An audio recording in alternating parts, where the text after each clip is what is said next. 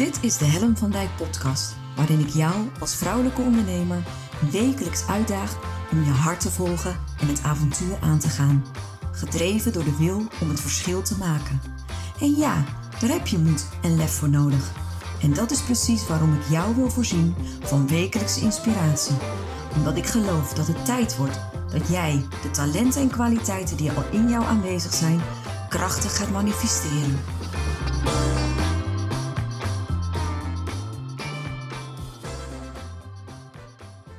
Wat leuk dat je weer luistert naar een nieuwe aflevering van de podcast. En uh, vandaag voor mij weer een hele bijzondere aflevering, want ik interview Hester van Rooyen. En het leuke is, Hester en ik hebben elkaar nu voor het eerst zo'n vijf minuten gesproken en daarvoor misschien twee minuten gesproken. Dus dan zul je zeggen, wat maakt nou Helen dat je haar gaat interviewen? Ik heb haar onlangs mogen ontmoeten tijdens het event van Anne Niemeyer. En daar had zij een hele toffe workshop. En weet je wat zo leuk is aan Hester? En dat zei ik ook net tegen haar, dus ze, ze weet dat ik dit vind. Zij heeft een hele mooie, fijne energie. En zij combineert op het een of andere manier het mannelijke met het vrouwelijke. En dat mag er allemaal zijn. Zij gaf die workshop en zij zei gewoon. En af en toe vloek ik tussendoor. En ik vind dat heerlijk. Gewoon jezelf zijn, gewoon lekker in je vel zitten. En dat straalde zij vooral uit. Behalve die workshop wist ik helemaal niks van Esther. En ik dacht wel, oh joh, zo kan ik natuurlijk niet bij haar aankomen. Dus ik heb een beetje mijn research gedaan. Uh, blijkt dat ze een hele uh, lange carrière in de zakelijke dienstverlening achter de rug heeft.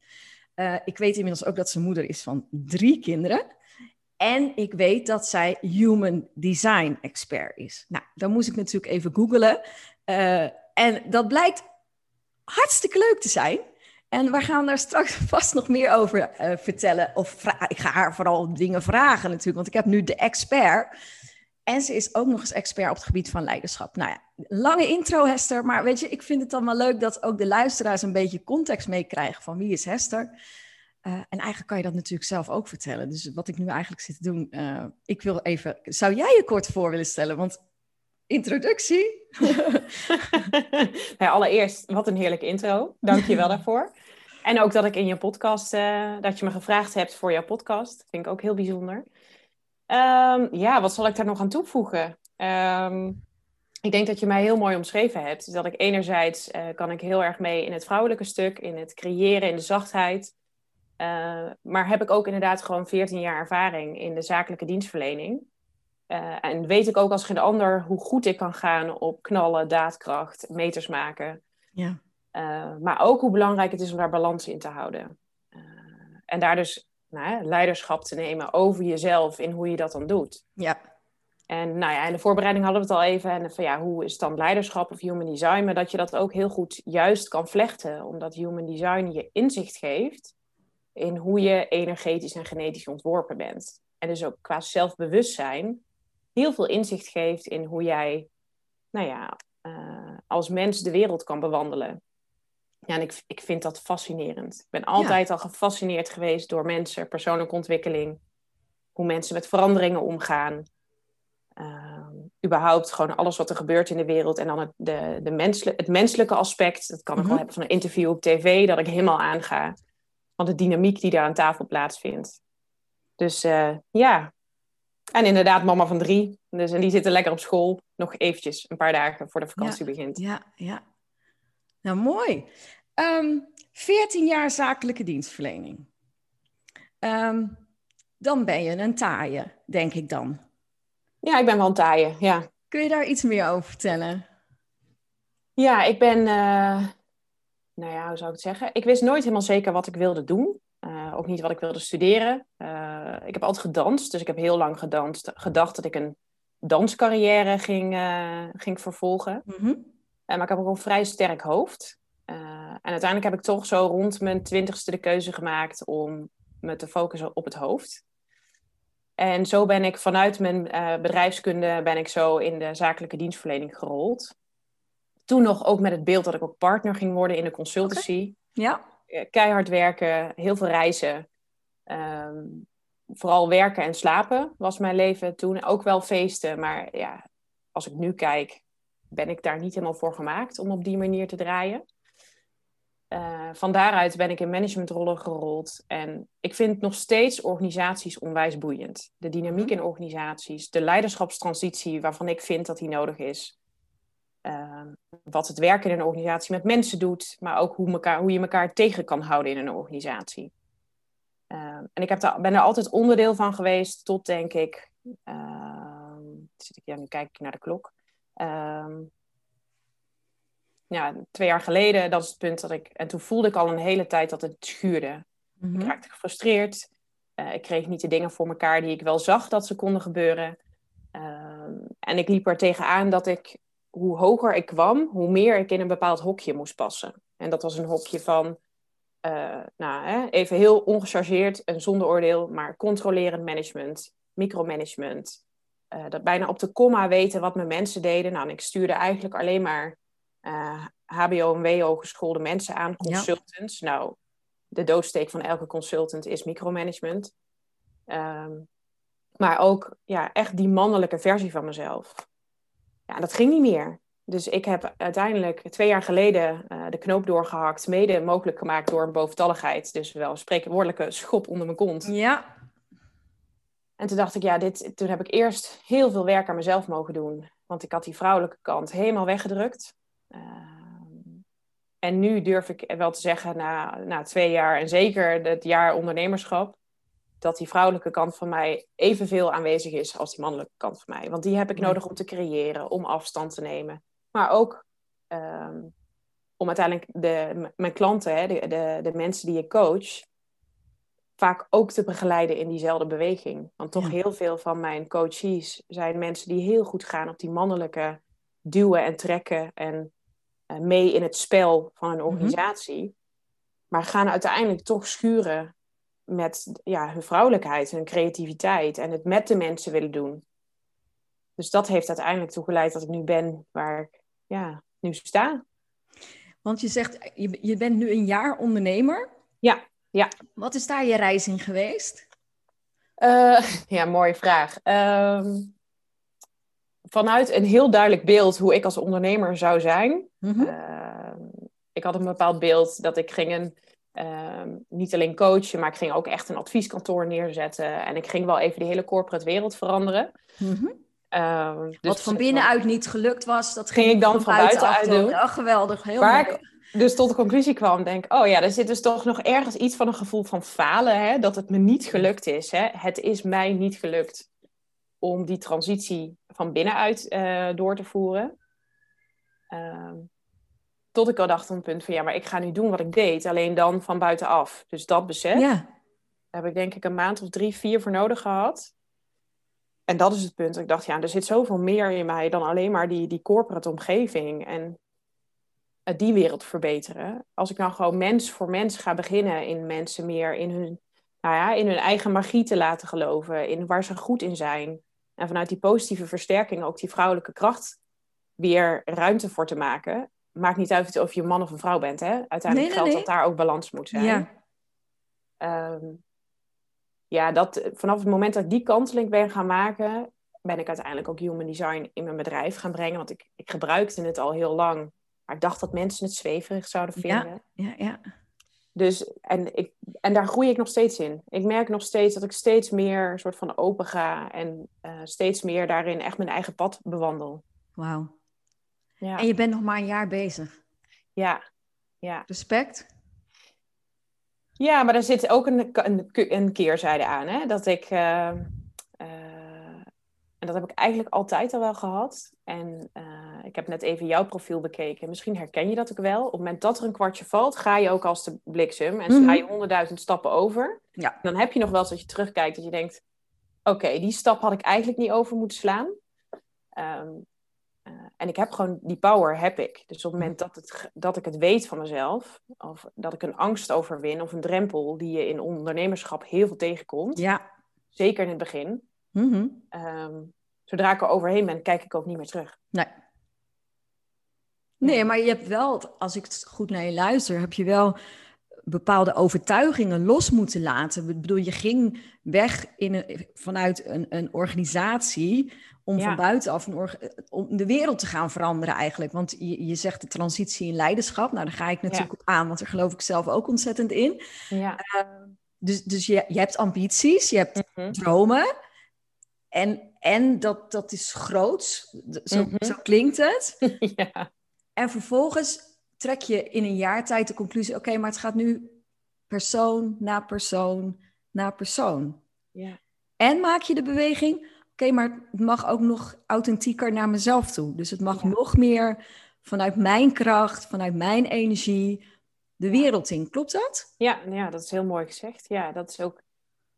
Ehm, het past op deze, zoals dat waar ik nu ben, in, in de fase van mijn leven, in de groei die ik maak, past dat het beste bij mij. Ja. En ik heb inderdaad in zo'n eerste jaar komen er overtuigingen naar boven, waarvan ik niet eens wist dat ik ze had. Hmm. Waarvan ik ook nooit heb gedacht dat het een issue was. Kun je een voorbeeld noemen? Uh, nou, zichtbaarheid. Hmm. Ik ben uh, binnen de, de context waar ik werkte nooit bang geweest om op het podium te staan, om zichtbaarheid te pakken, om mijn mond open te doen. En dan ineens moet je voor je marketing, in tijden waar nou ja, hè, de hele offline wereld plat ligt, ineens aan je online zichtbaarheid werken. Uh, en dat deed ik op LinkedIn en op uh, Insta. Nou joh, echt met mijn bek vol tanden aan elkaar genaaid. Ik had geen idee wat mijn toon is, wat mijn boodschap is. Daarnaast heel veel mensen die daar iets van vonden. Of die, ja, waarom moet dat nou eigenlijk allemaal? Dat soort mhm, vragen, die mhm. ook in mijn hoofd klonken. Ehm, en uiteindelijk daar zo van over, toen ik eenmaal over die drempel was, ja. dan was het ook oké. Maar ik heb nog steeds af en toe, er kom ik een soort nieuwe drempel tegen hoor. Dat je dan weer iets in je bedrijf, ik had het weer met human design erin brengen. Ik denk, ja, hoe ga ik dit dan vertellen aan mijn doelgroep? Ja. En dan kan ik dan even mee, een soort van een, paar weken mee pingpongen en ineens hak ik hem door en dan is het ook gewoon klaar. Ja. Gaan. En dat vinden van je stem, dat, dat gaat ook naarmate je het meer doet en meer... Ja, zeker. Ja. Want wat was je belemmering om human design erin te fietsen? Ik kan wel iets voorstellen, maar... Ja, ik kom natuurlijk in een hele feitelijke omgeving. Ik heb altijd bij, in de richting van de technische bedrijven gewerkt. Mhm. Dus uh, mijn hele carrière is IT en, uh, en technische bedrijven. Uh, heel erg, ja, zonder uh, onaardig, maar heel erg nullen en ene. Ja. Heel erg gebaseerd op wetenschap. Ehm, en heb ik altijd al ook een soort van het spirituele in me gehad. En heel vaak dingen die in, in het bedrijf gebeurden, had ik al lang aanvoelen zien komen. Uh, maar had ik bij me gehouden, omdat als ik dan zei, ja, weet je, ik heb het gevoel dat dit gaat gebeuren, dan keken mensen me altijd een beetje aan alsof ik, ja. uh, hè, waar is je glazen bol? Mm En human design jouw hele blauwdruk komt natuurlijk voort uit je geboortedatum, geboorteplaats en geboortetijd. En ja, want ik moet heel even vertellen, want ik, ik heb me natuurlijk een beetje ingelezen inmiddels. Ja. Maar voor de luisteraar die echt denkt, waar hebben ze het over? Ik heb het nu al een paar keer genoemd. Wat is human design? Nou, human design is ontstaan vanuit het Chinese I Ching, vanuit Kabbalah en chakraleer. Dus mm de, de Oosterse uh, filosofieën. Uh, gecombineerd met kwantumfysica, dus echt DNA-onderzoek. En wat ze eigenlijk hebben gedaan, nou eigenlijk de bedenker van, ik moet altijd zijn naam lezen hoor, want ik, ik kan het nooit uitspreken, Ra-Uruhu. Mm wat hij eigenlijk heeft gedaan, is een, een heel model gemaakt, uh, afhankelijk van de stand van de maan, de zon en de planeten, ten tijde van je geboortedatum en 88 dagen daarvoor, op het moment dat je, je neocortex klaar is in de buik, mm dat dat eigenlijk je persoonlijkheid vormt. En dat is je persoonlijkheid, hoe jij uh, energetisch en genetisch bedoeld bent om je leven op aarde te leven. Oké, ja. Nou ja, astrologie in combinatie met wetenschap klinkt vrij zweverig. Ik hou van horoscopen hoor, dat daar niet van. Maar ik vond het echt heel moeilijk om dat stuk, hè, dat human design of die blauwdruk, en dan de sterke astrologische uh, basis die eronder ja. zit, wordt gewoon door heel veel mensen als zweverig, niet waar, als vaag, als, mm nou ja, toch ook een beetje gek gevonden. Ja. Maar ja, als het gaat voor mezelf, vanaf het moment dat ik me erin ben gaan verdiepen, in het begin was ik heel sceptisch, heb ik me er ook tegen verzet. Maar de eerste tijd heb ik het alleen voor mezelf gedaan. En vanaf het moment dat ik het echt ben gaan studeren, dus echt me in ben gaan verdiepen, is het ook een soort geruststelling, een soort acceptatie van jezelf. Ehm, en ook heel veel herkenning krijg ik heel Mhm. vaak terug. Van puzzelstukjes over je karakter, over innerlijke conflicten die je kunt hebben met jezelf. Ehm, en het staat dan, zoals ik al zei, het staat gewoon in de sterren. Ja. Ja. En dus er zat een terughoudendheid om dat, zeg maar, je, jezelf daarop te gaan profileren. ja, angst voor afwijzing. Mhm. Ja, er zat echt een hele duidelijke angst voor afwijzing. Wat nou als de doelgroep of hè, de, de, de, de even fanbase tussen aanhalingstekens die ik heb opgebouwd denkt, oké, die is de weg kwijt. We gaan haar massaal ontvolgen. Dat Ja. was nog in de fase dat ik ook elke dag mijn volgers checkte. Oh ja, ja. ja, ja. Ehm, eh, wat je dus doet als je net online gaat. Ehm, en, maar uiteindelijk denk ik, ja, dat is ook wie ik ben. Dus als ik dat deel niet van mezelf laat zien, Mhm. en alleen maar inzet als de, wanneer ik denk dat een ander daar klaar voor is. Dus het één heel arrogant, want ik vul dus voor iemand anders in wanneer die er klaar voor is. Ja, En twee, laat ik gewoon een heel deel van mezelf niet zien. En mensen voelen altijd als je een deel van jezelf niet laat zien. ja, Ja, gewoon energetisch. ja. Ja. Dus ook weer zo'n knoop die doorgehakt is. En toen? Toen ben je erop gaan profileren. Nou, het grappige was, nee, ja, daar komt echt ook mijn spirituele weer. Toen heb ik een teken gevraagd van het universum. Ja, heel mooi. vond het echt heel spannend, maar die helpen mij soms om net even dat setje te geven. Dus ga- dat ik zei, nou weet je, als ik dit inderdaad mag doen, zou ik dan binnen nu en 48 uur mijn eerste betalende klant mogen ontvangen. En ik ben eigenlijk een paar uur later ben ik aan het appen met een collega-coach. Mhm. Ehm, dus, en ik schrijf naar haar, want zij zei, en, en ga je met human design aan de gang? Want ik had het met haar over, hierover gehad. Ik zei, nou, ik heb een teken gevraagd. En op hetzelfde moment plopt er dus iemand in mijn app en die zegt, hey, doe jij eigenlijk ook eh, blauwdrukgesprekken voor human design? Eh, en wat kosten ze? Want ik wil dit graag bij je doen. En toen dacht ik echt, wat? Oké. Hoe de... Ik krijg Ja, kippenvel, dat- echt letterlijk. Ja, bizar. Oh, wauw. En dat is het moment. Nou, toen heb ik eh, eigenlijk in die appgroep waar zij dus in zit, heb ik gewoon mijn eerste aanbod geslingerd. Achteraf echt veel te goedkoop. Echt, Uiteraard. echt. Omdat ik geen idee had, wat kan ik hier überhaupt voor vragen. En ik heb nu de eerste binnen. Eh, ja, en vanaf dat moment, en dat is denk ik in april geweest of zo, Mhm. is dat balletje gaan rollen. En nu is het een onderdeel, is het gewoon echt een groot onderdeel van mijn business. En ook een vertrekpunt van coachtrajecten. Ja, dat kan ik me voorstellen. Ja, want als je dan je blauwdruk hebt en je hebt zo'n gesprek gehad, ja, en dan? Hoe Ja. ga je dan zorgen dat je die conditionering opruimt die er Ja. zit op sommige plekken? Ja. En het is natuurlijk ook een hele mooie eerste kennismaking met jou. En met een principe waar mensen wel misschien iets van hebben gehoord, maar meer over willen weten. Of juist heel erg nieuwsgierig naar zijn. ja. Nou ja, en je mag gewoon in één eerste gesprek zo dichtbij iemand komen. Want er zit in sommige kanalen of gates waar, waar je dan geactiveerd bent, daar zitten verslavingen. Daar zitten eh, blokkades. Dus Mhm. ik heb soms echt in één, in een eerste gesprek al zoveel herkenning. Daar zit trauma en jeugd kan er al in terugkomen. Ehm, en zoveel diepte, dat je Mhm. dus ook he- meteen heel dicht bij iemand mag komen. En dat is heel bijzonder. Ja, dat kan ik me voorstellen. Ja. Het lijkt me ook wel heel intens voor jou, want het is ook een verantwoordelijkheid. Want je legt iets bloot wat, wat mensen tot die tijd eigenlijk heel dicht bij zichzelf hebben kunnen houden. Of misschien onbewust, bewust. Ja. Nou, ik ben me heel bewust ook, ik schrijf een blauwdrukgesprek altijd helemaal uit van tevoren. Omdat ik ook heel bewust ben in hoe ik iets eh, breng. Ja. Dus mijn allerbelangrijkste is dat er geen oordeel op zit. Dat alles Mhm. ook oké is. Dat alles er mag zijn van iemand. Eh, en ook, ik geef ze ook altijd mee van hey, op het moment dat je hierdoor geraakt bent. Of je krijgt nog vragen. Of eh, welke, eh, hoe ze bij zichzelf kunnen herkennen dat ze in Mhm. conditionering zitten. Maar ook dat ze dus, wat mij betreft, nog weken na dato mij een vraag kunnen stellen als ze ergens op vastlopen. Of als ze ineens iets tegenkomen van ze denken, oh, dat is me toen helemaal niet opgevallen. Omdat het kan ook, bij mezelf ook, zaten er dingen in waarvan ik dacht, gadver, ik vind het helemaal niet zo fijn dat dit in mijn profiel zit. Nee, Ja, nee, ik kan me voorstellen. ja maar uiteindelijk heeft het mij, helpt het vaak ook juist om het te accepteren dat het onderdeel is van je. Eh, en iets wat je mogelijk jaren hebt probeerd te verstoppen van je. eh, dat dat ineens oké is en dat je ook kan uitleggen van hé, hey, maar dit zit, dit zit in mijn human design. Maar ik heb nu ook de handvatten hoe ik daarmee kan dealen en hoe ik, kan, hoe ik daarmee om kan gaan op het moment dat ik het even niet meer weet. Het, het roept bij mij ook wel iets op van, ik word ook een beetje opstandig ervan, merk ik, als je dat zo zegt. Ja, snap ik. Ja, herken je dat? Binder. Ja. Ik heb het nog steeds wel eens hoor. Ja, want dan denk ik, ja, holy crap, weet je, als het zo is, en jij zegt dan accepteren, dan denk ik, ja, lekker is dat. Als er dingen in zitten die ik gewoon echt niet oké vind, of waar ik echt niet.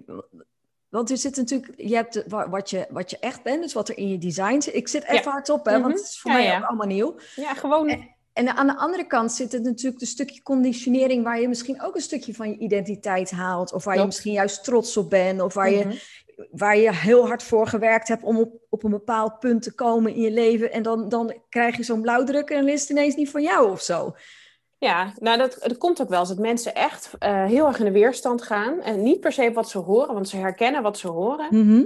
Maar wel weerstand voelen op uh, uh, dat ze bijvoorbeeld als manifester geleefd hebben. Dus heel veel geïnitieerd hebben. Ja. In, terwijl ze eigenlijk een projector zijn. Dus moeten wachten op uitnodiging. Ja voor de, goede, uh, de goede uitnodigingen. Ja. En als jij heel hard gaat, want een manifester is, hè, heeft ook een bepaalde mannelijke energie. Uh, als je daar heel goed op gaat, kan dat ja, best wel frustrerend zijn. Als ik dan tegen je zeg, nou, je moet eigenlijk wachten op uitnodiging. Ja, oeh. Ja, maar en ook voor mezelf, als ik het over, dit is het makkelijkst, als ik het heb over mijn eigen profiel. Uh, je hebt ook een profiel hè, in Human Design. Dus je hebt een type, dat is je mhm. manifester, projector, generator, reflector en manifesting generator. Uh, wat wij allebei zijn. Ik heb het ehm, opgezocht, inderdaad.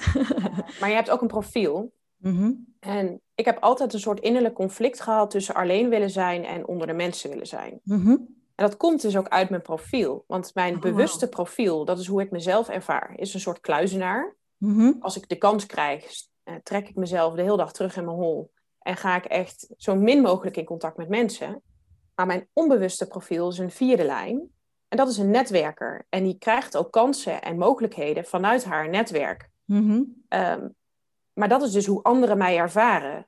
Dus mensen die met mij omgaan, kennen mij niet als die kluizenaar. Die zien alleen maar die sociale, die netwerker, dat gezelligheidsdier. Ja. Ehm, en die zien ook mijn talenten, die ik als hè, kluizenaar zie ik ook niet per se mijn eigen talenten. Mm eh, dus ik ben echt met mezelf, soort van met die twee lijnen, heel bewust bezig. Dat ik soms een dag heb dat ik echt geen zin heb in mensen. Echt niet. Gewoon nul. Ehm, maar ook weet dat het goed is voor mij en voor mijn bedrijf en mijn onbewuste lijn. En dus mijn ziel, op zielsniveau. Om hmm. wel naar die verjaardag te gaan. Of om wel dat gesprek te voeren. Hmm. En niet mezelf ergens te verstoppen. Ja, precies. En ik heb daar altijd mee geworsteld, want ik voelde me altijd een beetje een soort van quirky daarin. Mhm. Maar nu ik dat weet van mezelf, kan ik daar ook één met liefde naar kijken, hè? want het zit in mij. Ja. Ehm, want dat help ik, dat probeer ik wel heel erg, dat mensen leren dat ze dus zichzelf niet veroordelen op hoe hun eigen design is. Dat is wat, Mhm. ik vooral met acceptatie bedoel. Ehm, maar ook dus heel bewust kijk van wat ben ik nou eigenlijk aan het doen. En als ik dan twee van die verstopdagen heb gehad, vaak is dat omdat ik ergens iets te doen heb met mezelf. Ehm, Herkenbaar. ja. nou ja, dat ik dan wel weer heel bewust naar buiten ga, omdat ik daar anders ook onwijs in kan blijven hangen. En als ik er te lang in blijf hangen, verschrompel ik. Mhm. Mhm. En dat is wel de. En dat de eerste keer dat ik dat hoorde, dacht ik: vind dit stom. Ik vind het echt heel stom. Zo Ja. een beetje bijna kinderlijk hoe je er dan op kunt reageren. Eh, maar nu weet ik ook dat ik het voor me kan laten werken. Want ik ontwikkel als ik alleen ben. En dat kan ik dan weer inzetten wanneer ik weer onder de mensen ben. Mooi. Dus het geeft ook inzicht en ook een soort van handvatten hoe je dus... Want dan bedenk ik ook, hè, je hebt nu ve- 14 jaar heb je in een zakelijke omgeving gewerkt. Ja, Eh, geknald, dat zei je ook, daar, daar ging ik goed op, daar kon ik ook goed, no Ja. bullshit, ga met die banaan. ja. Dat zijn ja. mijn woorden, die heb jij niet gebruikt. Ja, ik, ik zou ze kunnen gebruiken. En als jij nou jouw blauwdruk legt op wat jij daar die afgelopen 14 jaar hebt gedaan, ja. is, dat, is, is daar dan. ehm, ik, ik kan niet het goede woord vinden, maar is dat dan oké voor je geweest? Heb je daarin. Ben je geweest ge- in, in het zijn, zeg maar? Of heb je daar geforceerd? Beide. Beide. Ik denk dat ik het heb moeten ervaren om te komen waar ik nu ben. Want dat is mhm. ook hè, wat ze binnen Human Design zegt. Je moet ook in je not zelf zitten om te weten hoe het is om gewoon in je zijn te zijn. Ja. Het is geen goed of fout. Want mhm. je gaat altijd weer dingen doen waardoor je weer denkt... oh ja, dit was het toch niet helemaal. Mhm. Of ja, mijn hoofd heeft deze keuze gemaakt. In plaats van zoals bij ons onze onderbuik. Ja. Uh, maar ja, ik, de, zeker woorden als frustratie. Ik ben er klaar mee. Ik heb er genoeg van. Uh, het gevoel hebben dat je hoofd vooruit gaat, maar dat je lijf achterblijft. Uh, ja, daar heb ik hele fases van gehad. Um, maar het zit bijvoorbeeld ook in mijn profiel dat ik heel slecht kan tegen ongelijkwaardigheid. Nou, dan moet ik meteen terugdenken aan de periodes dat de beoordelingsgesprekken van mijn teams plaatsvonden. En dat er een soort koehandel plaatsvond. In plaats van dat er echt gekeken werd naar hoe goed iemand het gedaan had. Hmm. Dus echt naar het individu gekeken werd. Nou, dan kwam er echt een soort monster in mij naar boven. Um, dus ik kan daar ook heel goed zien wat ik al wel echt deed, uh, volgens mm mijn blauwdruk. Mm Maar ik denk, zeker in die laatste fase heb ik puur en alleen op doorzettingsvermogen en wilskracht. En ik moet iets achterlaten en ja, totaal in frustratie gewerkt. Wauw.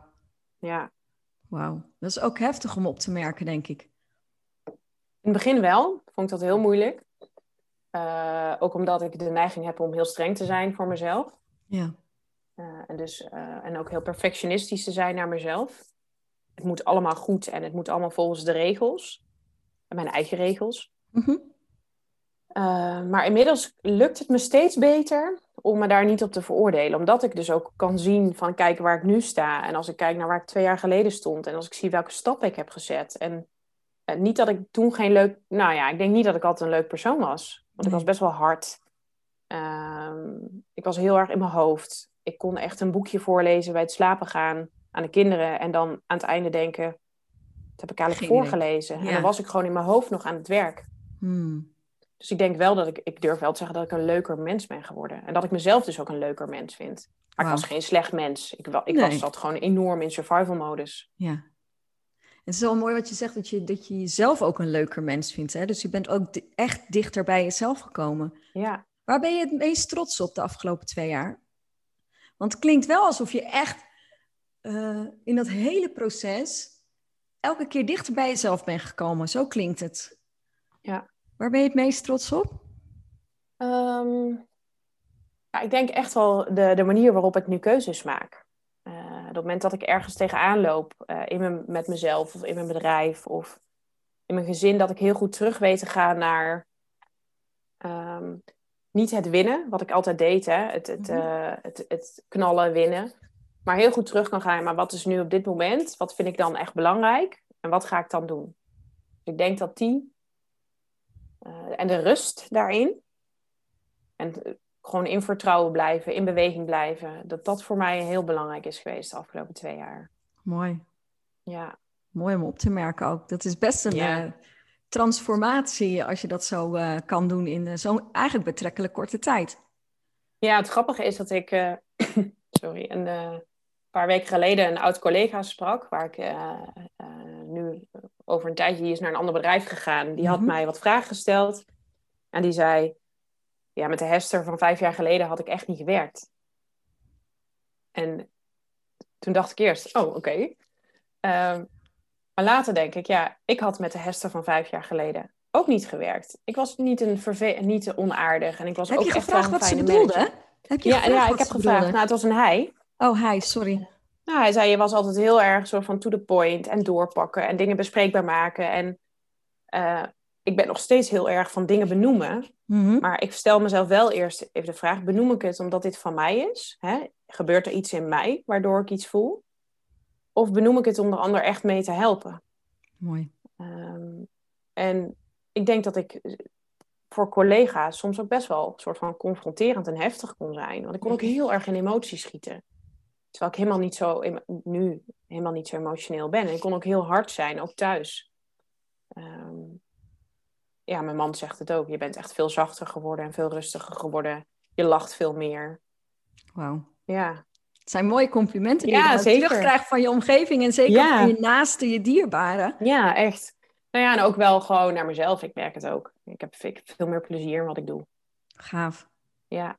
Hey, en die transitie in leiderschap, even op, op filosofisch eh, niveau, wat, wat, Mhm. wat zie jij dat er nodig is? Ja, waar moet ik beginnen? Ehm, nee, ja, het hele hokjesdenken. Eh, Mhm. Dat je aan een bepaald profiel moet doen om een goede leider te zijn. Ehm, dat hele mannelijke, hè, dat hele duwen en trekken. eh, drukken op KPI's, ongeacht of ze kwalitatief goed zijn of niet.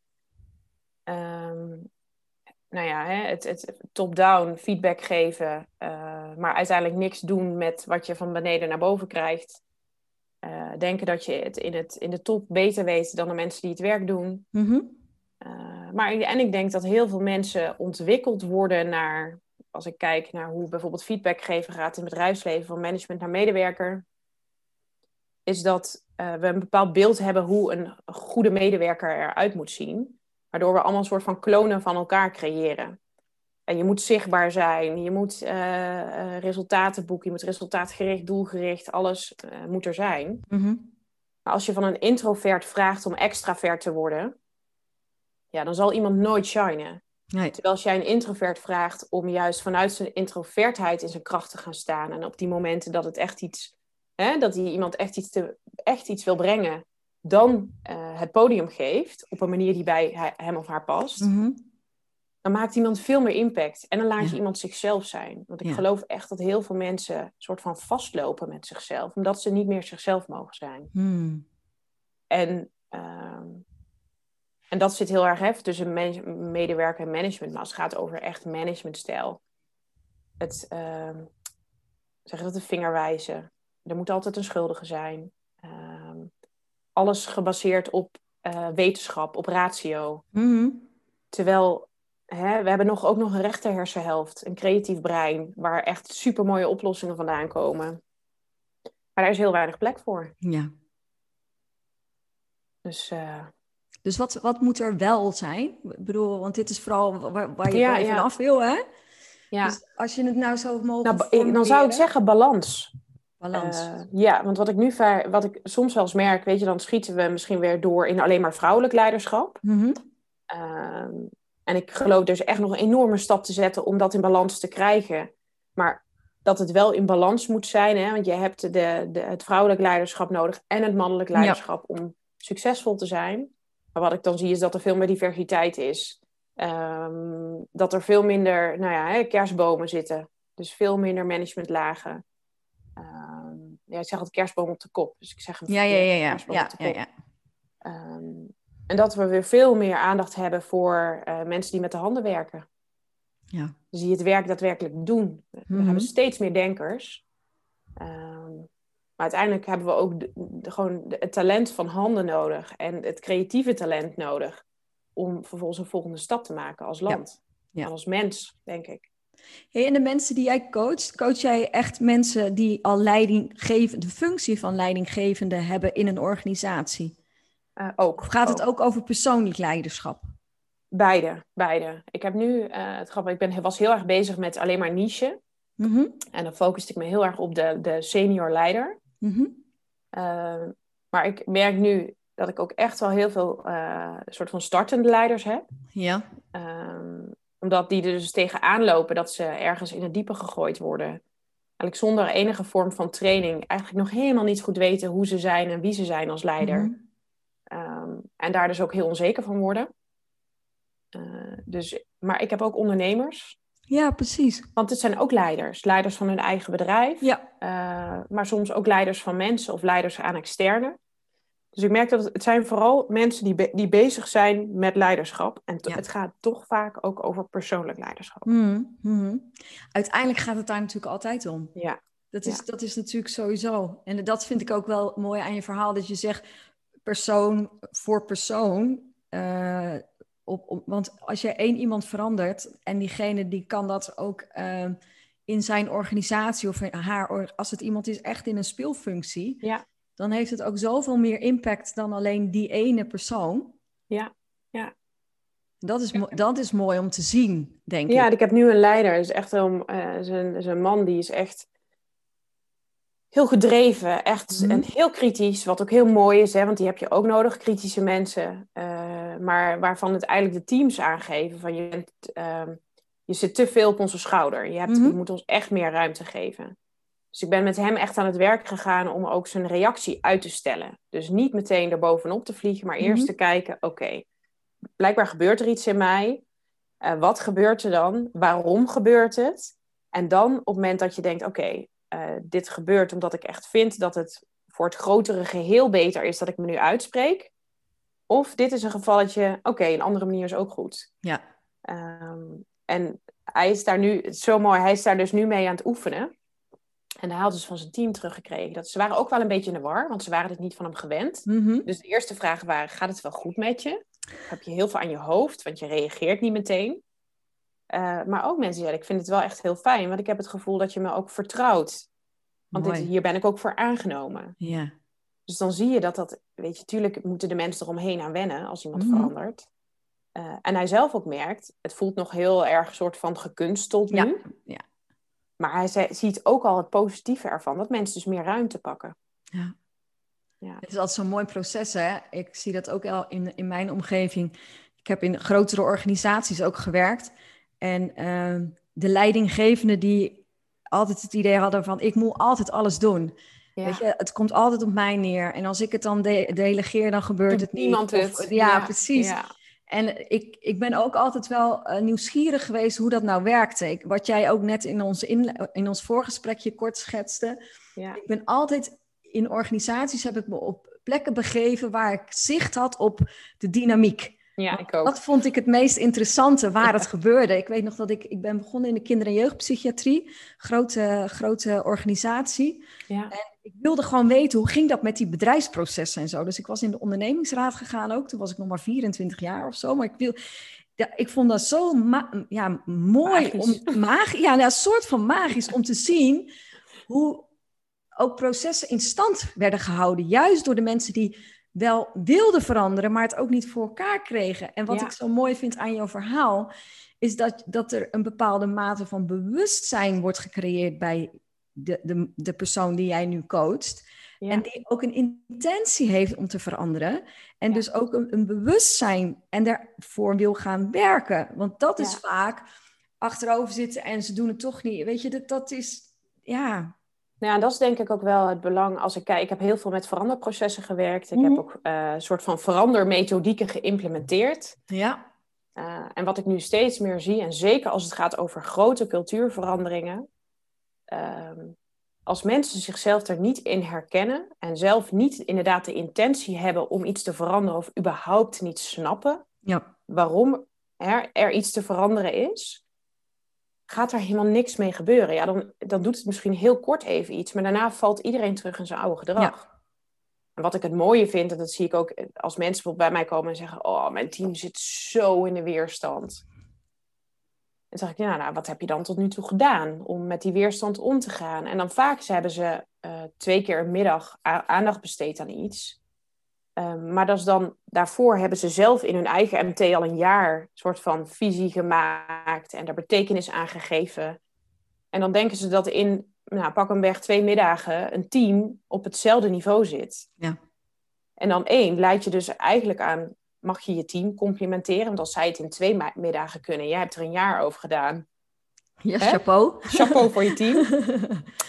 Ehm, maar uiteindelijk hebben zij minstens zoveel tijd nodig ja. om iets van hen te maken, maar ook om te begrijpen wat het gewoon operationeel voor hen betekent. Hmm. Ehm, en ik vind het zo mooi als bij iemand dan dat kwartje valt van, oh, het zit dus in mijzelf en hoe ik leiding geef. Ja. Eh, want ik zit nu, want vaak, hè, dan zit iemand eigenlijk een beetje in slachtoffermodus, want ze doen niet wat ik zeg. Ehm, en de resultaten blijven achter naar, oh shit, ik heb hier dus eigenlijk gewoon zelf iets te doen. Ehm, en ik ben eigenlijk helemaal niet in contact met mijn team. Ik ben vooral in contact met mezelf en kijk naar binnen. En wordt soort van onderdruk van de resultaten. Raak ik een beetje in paniek. Want Mhm. ik moet wel een soort van scoren voor de lagen boven mij. Uh, maar ja, één ding weet je dan zeker. Dan zijn ze niet meer met hun team bezig. Nee. En ik vind het echt heel mooi als dat kwartje bij iemand valt. En als dan vervolgens door van het besef komt van... oké, ik heb hier dus zelf iets te doen. Mhm. Dan zie je ook dat bij mensen in één keer de bereidheid komt om eh, die stap te zetten. Ja. En om ineens dus de ogen te openen en te kijken van, oh, zo kan het dus ook. ja. En daar ligt dus mijn invloed. Want dat is vaak Ja. natuurlijk ook het idee, hè? Ja. Dat de oplossing vanuit het team moet komen of Ja. vanuit de laag eronder. Of vanuit de organisatie. Ja. Ja. Ja. Ja, een organisatie is niks. Het is een geheel Nee. aan mensen bij elkaar. Ja. Ja, dus ik vind dat echt, ja, ik vind dat moment in de coaching vind ik echt fascinerend. ja. Ja, Nou, en dat is wel mooi, want dan zijn we ook wel weer een, mooi stukje rond. Ehm, want dan ben jij wel vanaf de buitenkant een organisatie aan het veranderen. Als jij op, op die, die sleutelmomenten eh, Ja. kwartjes kunt laten vallen bij echt stakeholders of me- mensen die echt in een centrale positie in zo'n organisatie hebben, Ja. Dan creëer je wel impact.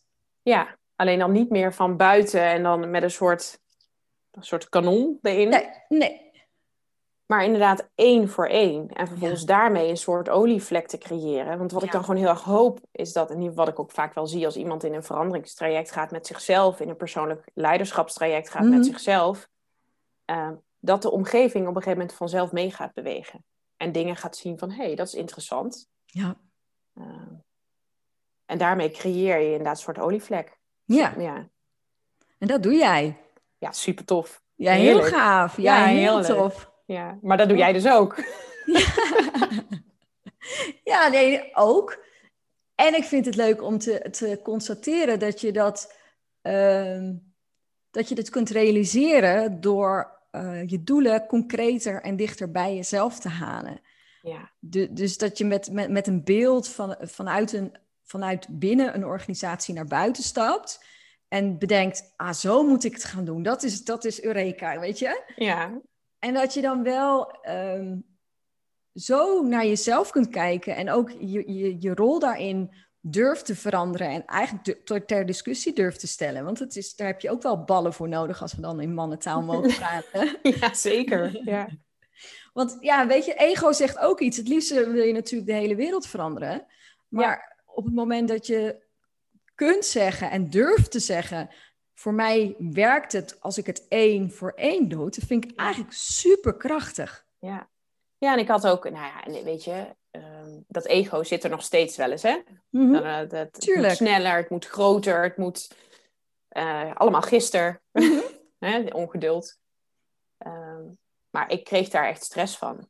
Ja, Terwijl uiteindelijk ben ik gaan ondernemen om minder stress te gaan ervaren, omdat ik veel meer mijn eigen ding mocht doen. ja. En nu is dat dus dit voor mij, op deze manier. op dit moment is... Op dit moment. Op dit moment. Ja, want ik ben helemaal voor groots denken. Hè? Want dat hoor je als je moet groots denken en Mhm. groots dromen. Anders gaan we nooit met een raket eh, 80 kilometer de ruimte in. Ehm, maar je moet niet vergeten dat je in het hier en nu dan ook nog iets te doen hebt. En dat was Ja. ik een beetje vergeten toen ik startte. Ik was zo groots aan het denken. Ik had allemaal vision boards gemaakt. Heel echt fantastisch bedrijfsplan gemaakt. Geen spel tussen te krijgen. maar uiteindelijk is dat soort van de toekomst. Eh, En die gaat zeker weten ook komen. Alleen ik ben ook in het nu. En in het nu ben ik Mooi. hier. En is dit waar ik gewoon heel blij van word. Nou, en ik denk het doet ook recht aan je authenticiteit. Het feit dat je, dat je het kunt laten groeien van waar je nu staat. Ik Ja. zeg altijd start from where you are. Dus, dus Ja. je hebt nu die, e- niet die ene coachklant, je hebt er vast meer.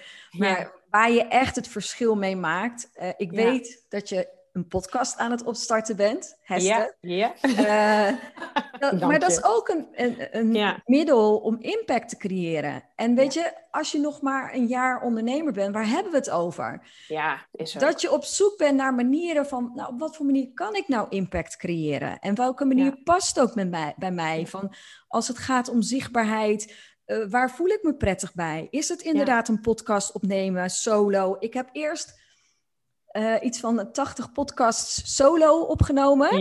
Voordat ik durfde te gaan interviewen, want dat vond ik dus doodeng. Ehm, maar nu vind ik het superleuk. Nu vind ik het superleuk om op deze manier jou een podium te geven en, en met elkaar erover te... Dus, dus alles ontvouwt zich in beweging. Ja, nou, en dat vind ik een hele mooie. Dus zolang je maar in beweging blijft. Al Ja. is het met hele kleine stappen. Ehm, en nou ja, dus eh, mijn HD is Manifesting Generator, mijn Human Mhm. Design. En het allerbelangrijkste voor mij is dat ik plezier heb in wat ik doe. En Ja. dat is dus hoe ik nu bepaal, elke keer wat ik doe. En soms krijg ik dan van ja, je zou het best zo kunnen aanpakken. En het enige wat ik dan doe is checken, word ik daar blij van? Mhm. Als ik er blij van word, ga ik het doen. Als ik er niet blij van word, ga ik er niet eens aan beginnen. Want dan Nee. weet ik dat het een mentaal ding wordt. En niet Ja. meer vanuit plezier. Kijk. Ja, En dan, weet je, dat vond ik het leuke. Ik weet nou niet meer wat we voor de, de startknop hebben gezegd of na de startknop. Dus ik weet niet of het hier al besproken is. Maar als jij gaat, dan ga je goed. ja. Dus dat Ja. is volgens mij wat, wat we op een gegeven moment constateerden Ja. samen. Ja, dat op het klopt. moment dat je het gevoel hebt van, ah, dit is het, zo moet het gaan, dan stroomt het ook als een malle en dan ga je ook als de brandweer.